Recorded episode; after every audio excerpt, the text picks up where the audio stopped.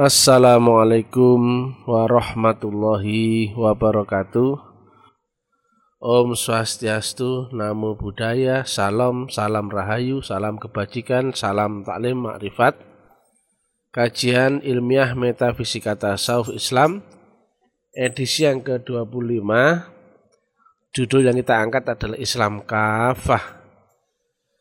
Kafah dalam arti harfiahnya adalah menyeluruh yang dimaksud ini adalah melikupi jasmani dan rohani. Jasmani adalah badan kasar, pembawaan badan kasar, termasuk akal dan sebagainya. Sedangkan rohani, nah ini, ini banyak yang salah paham. Mengira rohani ini adalah perasaan, pikiran, angan-angan, batin, rasa, Bukan itu. Selama itu semua ada di alam akal, artinya ada di dimensi akal, itu bukan roh. Walaupun bukan lagi identik dengan badan kasar jasmani, tetapi yang melekat di panca indera, yang terinterpretasi, itu pun masih pembawaan akal. Jadi rasa, pikiran, batin, angan-angan yang masih di dimensi akal itu pun masih ikut akal. Bedanya akal dan rohani, rohani ini kata Nabi mesti mati dulu.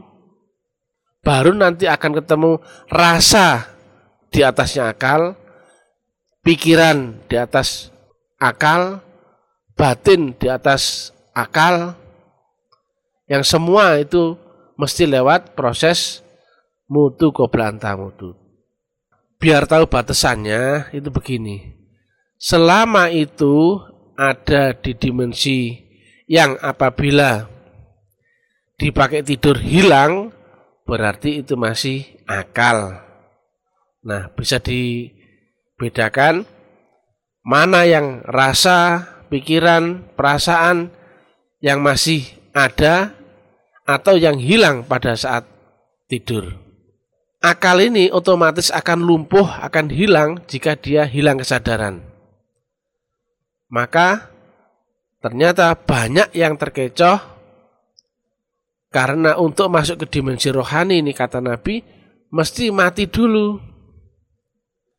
Jadi alam akal ini alam fata morgana bagaikan mimpi, tapi jika dilihat oleh orang-orang yang telah bisa menembus alam rohani maka jasmani dan alam akal dan dunia itu tidak ubahnya bagaikan mimpi. Nah, bangkitnya rohani itu mesti lewat kematian akal. Artinya, dikiranya orang itu sudah menyeluruh jasmani dan rohaninya, padahal itu belum, itu masih akal. Orang sholat itu kan jasmania sholat, pikirannya pun ikut sholat dan sebagainya. Tapi kalau pikirannya itu masih di alam akal, itu masih akal jasmani. Nah, yang rohani inilah yang mesti kita tahu. Padahal rohani ini adalah hakikat manusia dan hakikat ujungnya rohani adalah Allah Ta'ala sendiri. Maka mesti kita menyingkap rahasia di balik alam akal jasmani kita sendiri.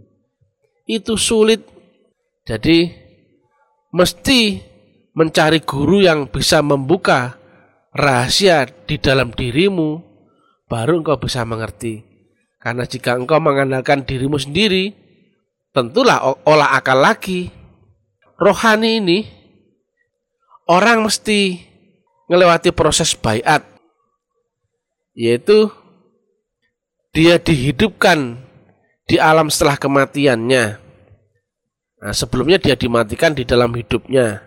Yang kata Nabi mutu kobra mutu. Dia dimatikan, yang dimatikan dimensinya. Atau orang itu mati beneran baru masuk ke alam rohani, yang alam yang lebih nyata, lebih tinggi daripada alam fata morgana dunia.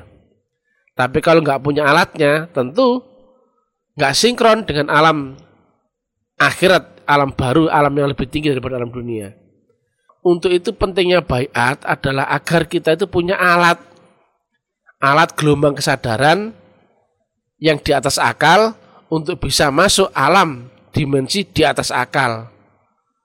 Akal per dunia itu sama dengan roh per akhirat. Itu rasanya akan sama. Badan kasar di alam kasar akan rasanya sama dengan badan halus di alam halus. Sama persis dengan dunia. Rasanya rokok ya sama, ketemu orang yang sama, semuanya sama karena sinkron. Tapi itu nggak berlaku bagi orang yang nggak punya alat. Dia akan sumum bukmum umyun fahum layar jiun fahum layar sirun dan dia tidak bisa kembali. Tapi masalahnya orang itu kan nggak bisa hidup di dua dimensi. Kalau hidup di siang tentu nggak ada malam, tapi kalau hidup di malam tentu nggak ada siang. Sehingga orang nggak bisa membedakan antara hidup di dunia dan hidup di akhirat. Prakteknya, seorang yang bisa menembus akhirat yang lewat siratal mustaqim, itu rasanya akan sama persis dengan dunia. Karena setiap alam yang kita hadapi, itu menjadi kenyataan. Maka alam yang lalu itu ibarat mimpi fata morgana. Bagi seorang yang bangun dari tidur, bangun dari mimpi, awalnya yang merasakan mimpi itu adalah uh, kenyataan. Saat kita bangun, maka kita memahami bahwa kenyataan di alam mimpi hanyalah fata morgana karena masuk ke alam nyata. Demikian juga saat kita di dunia yang rasanya nyata, kemudian masuk ke alam nyata lagi, maka dunia ini hanya sebatas mimpi. Demikian akan berlanjut terus antara mimpi, kenyataan, mimpi, kenyataan, mimpi, kenyataan. Asal engkau punya alat yang klop, yang integrate dengan dimensinya, maka semuanya akan kita rasakan sebagai alam kenyataan. Nah, alam kenyataan itu adalah akalmu jalan dan panca inderamu berfungsi. Manusia itu ada di dua dimensi tadi, jasmani dan rohani. Nah, makanya kata Nabi ada kalimat udkhulu fisil mekafah. Masuklah kamu. Artinya ada proses dari luar ke dalam. Manusia umum berarti masih di luar, diperintahkan untuk masuk. Masuklah, berarti kan ada perintah dari luar ke dalam. Maksudnya adalah dari dimensi akalmu masuk ke dimensi rohmu akal itu ibarat SMP, maka roh itu ibarat SMA ke atas. Anak SMP tentu nggak punya ijazah SMA. Tapi kalau punya ijazah SMA, tentu punya ijazah SMP, otomatis ngikut karena dimensi lebih tinggi. Seorang dimensi di dimensi akal, rohnya itu belum tersentuh. Tapi kalau telah terupgrade, masuk ke dimensi roh, maka akalnya otomatis ngikut, jasmaninya ngikut, maka yang dimaksud dengan kafah adalah mereka yang masuk ke dimensi ruh. Maka jasmania otomatis ngikut klop maka sempurna. Maka orang itu menyeluruh masuk dalam Islamnya, yaitu jasmania dan rohania. Jadi pembawaan akal tadi yang pikiran, angan-angan, khayalan, batin, selama dia dikontrol akal itu bukan roh. Dan roh mesti lewat proses bayat baru diaktifasi rohnya baru kemudian dia diupgrade gelombang kesadarannya. Dari yang pertama di dimensi akal misalkan 0 sampai 100 persen maka dia diupgrade antara 101 persen up sampai unlimited persen. Tapi rasanya sama. Setiap alam kenyataan patokannya adalah akalmu jalan dan panca inderamu fungsi itu saja. Jadi logikanya seorang yang telah ketemu jembatan Siratul Mustaqim, dia dari dunia, alam dunia, kemudian nyebrang ke alam kubur. Alam kubur adalah menjadi alam kenyataan. Awalnya dunia kenyataan, kemudian naik ke alam lebih tinggi, masuk ke alam kubur, masuk ke alam kenyataan dan dunia menjadi fata morgana. Sama persis dengan orang yang tidur bermimpi di alam mimpi rasanya nyata. Nyata itu karena akalnya jalan, panca inderanya fungsi. Kemudian bangun dari tidur juga masuk ke alam kenyataan. maka alam sebelumnya yang tadi nyata di alam mimpi menjadi alam fata morgana. Demikian juga dunia ini sama ketika engkau mati bagi orang umum atau bagi orang yang melewati siratul mustaqim orang-orang khusus yaitu mereka akan ketemu yang dimaksud dengan mutu qoblanta mutu yang itu rasanya tidak ubahnya seperti bangun dari tidur. Maka dunia yang lalu adalah fata morgana dan kemudian dia masuk ke alam kubur, rasanya kenyataan. Karena alat membaca gelombangmu telah terupgrade dan bisa sinkron dengan alam yang lebih tinggi. Alatmu, misalkan di jaringan 4G, kemudian dimensinya ada dimensi jaringan 4G klop. Nah, kalau dunia 3G dengan dimensi 3G, ya klop. Maka di dunia rasanya kenyataan, kubur pun rasanya pun kenyataan. Demikian juga barzah, sama. Barzah pun akan menjadi kenyataan dan kubur menjadi fata morgana. Terus, terus, terus, terus begitu. Nah, makanya di dalam lapisan ilmu ada ilmu yakin, ainul yakin, dan hakul yakin. Hakul yakin itu adalah alam kenyataan yang fakta, nyata, realita. Jadi bukan ilmu cerita. Apa saja yang diterangkan di dalam Quran hadis itu wajib kita alami dan sebagai kenyataan, bukan fenomena. Bukan angan-angan, bukan dongeng, bukan fiktif. Apa saja harus nyata. Nah itu.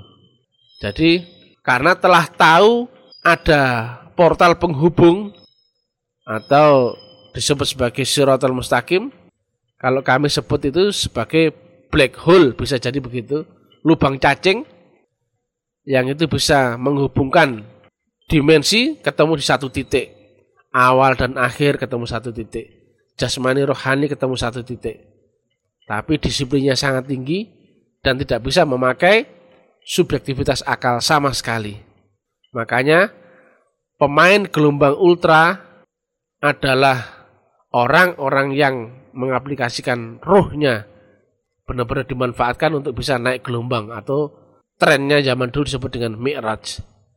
Jadi menyeluruhnya Islamnya manusia mestinya adalah ketika orang itu telah belajar ilmu kerohanian karena dengan sendirinya jasmani yang ikut masuk ke ilmu rohani ada prosesnya yaitu mutu anta mutu yang dengan itu orang bisa belajar Islam secara menyeluruh selama hanya belajar di dimensi jasmani akalmu ruhmu belum tersentuh selama kau masih di level SMP engkau belum ada ijazah SMA.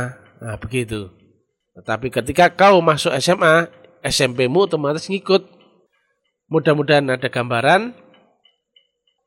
Beda dengan gambaran orang umum, kalau orang umum menceritakan alam kubur nanti bla bla bla bla bla bla bla bla.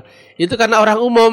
Tapi kalau khusus stasioner yang masih di dunia, tapi gelombangnya bisa naik ke alam kubur, ke alam barzah, ke alam malakut, jabarut, rohani, robani, dan sebagainya. Jadi semuanya menjadi kenyataan. Jadi demikian yang bisa kami sampaikan. Mudah-mudahan manfaat. Salam taklim marifat, salam kebangkitan tasawuf ilmiah. Jangan lupa ikuti uraian-uraian ilmiah kami di FB, WA, YouTube, Instagram, Telegram, dan lain-lain. Bagi yang berniat serius ingin belajar, silakan hubungi admin. Bantu share urian kami ke mana-mana agar banyak saudara lain ikut tercerahkan. Ilahi anta maksudi waridho kamar lupi. Wassalamualaikum warahmatullahi wabarakatuh.